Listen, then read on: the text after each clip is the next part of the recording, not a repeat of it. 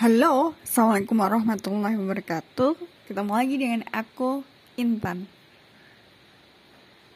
Kali ini Di kesempatan kali ini aku mau cerita nih Soal berbeda.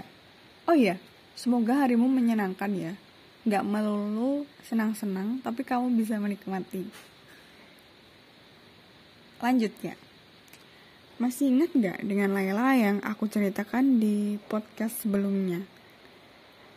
Kalau iya, aku mau mundur sedikit ke beberapa tahun pada saat Laila masih kecil.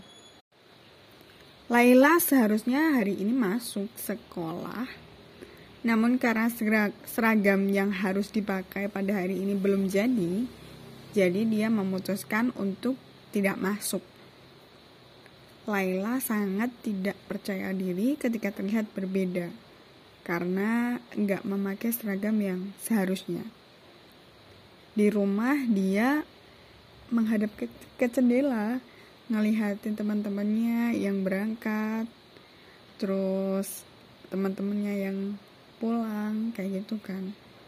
Di jendela dia tuh ngelihat kalau teman-temannya tuh ternyata ada loh yang nggak pakai seragam yang seharusnya dipakai. Dan karena hal itu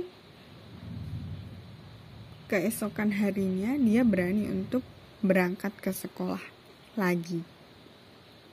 Sepele ya. Tapi iya loh kadang-kadang kita juga kayak gitu kan. Kayak sangat insecure untuk terlihat beda. Padahal sebenarnya bener nggak nyalahin orang lain atau nggak mengganggu orang lain. Kayak semisal nih rambut oh jangan rambut ding. Kayak semisal nih aku bawa bekal. Sebenarnya kan nggak masalah kan ya yang makan aku. Dan aku juga nggak minta sama orang-orang yang ada di sekitarku kan. Kadang tuh kayak ngerasa insecure kayak dinilai hemat banget. Ya emang iya emang hemat. Dan kayak nggak gaul gitu kan kadang-kadang ketika teman-teman lo lebih suka untuk jajan kayak gitu. Kayak gitu kan. Jadi semakin ke sini tuh semakin oke okay, nggak apa-apa berbeda. Yang penting nggak nyalahin aturan dan nggak melanggar norma it's okay. Nggak merugikan orang lain nggak apa-apa. Karena berbeda itu membuatmu istimewa. Dengan berbeda kamu tidak membohongi dirimu sendiri. Begitu. Itu aku sih mulai mulai mencoba untuk it's okay untuk tidak sama it's okay untuk berbeda.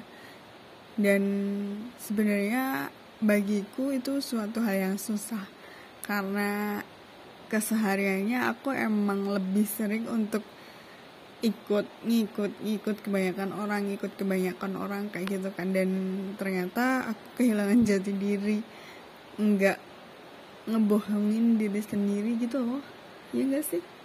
Menurut lu gimana apakah sama atau berbeda juga? Mungkin ada pendapat yang berbeda, boleh loh hubungin aku di email aku ya. Semoga bermanfaat.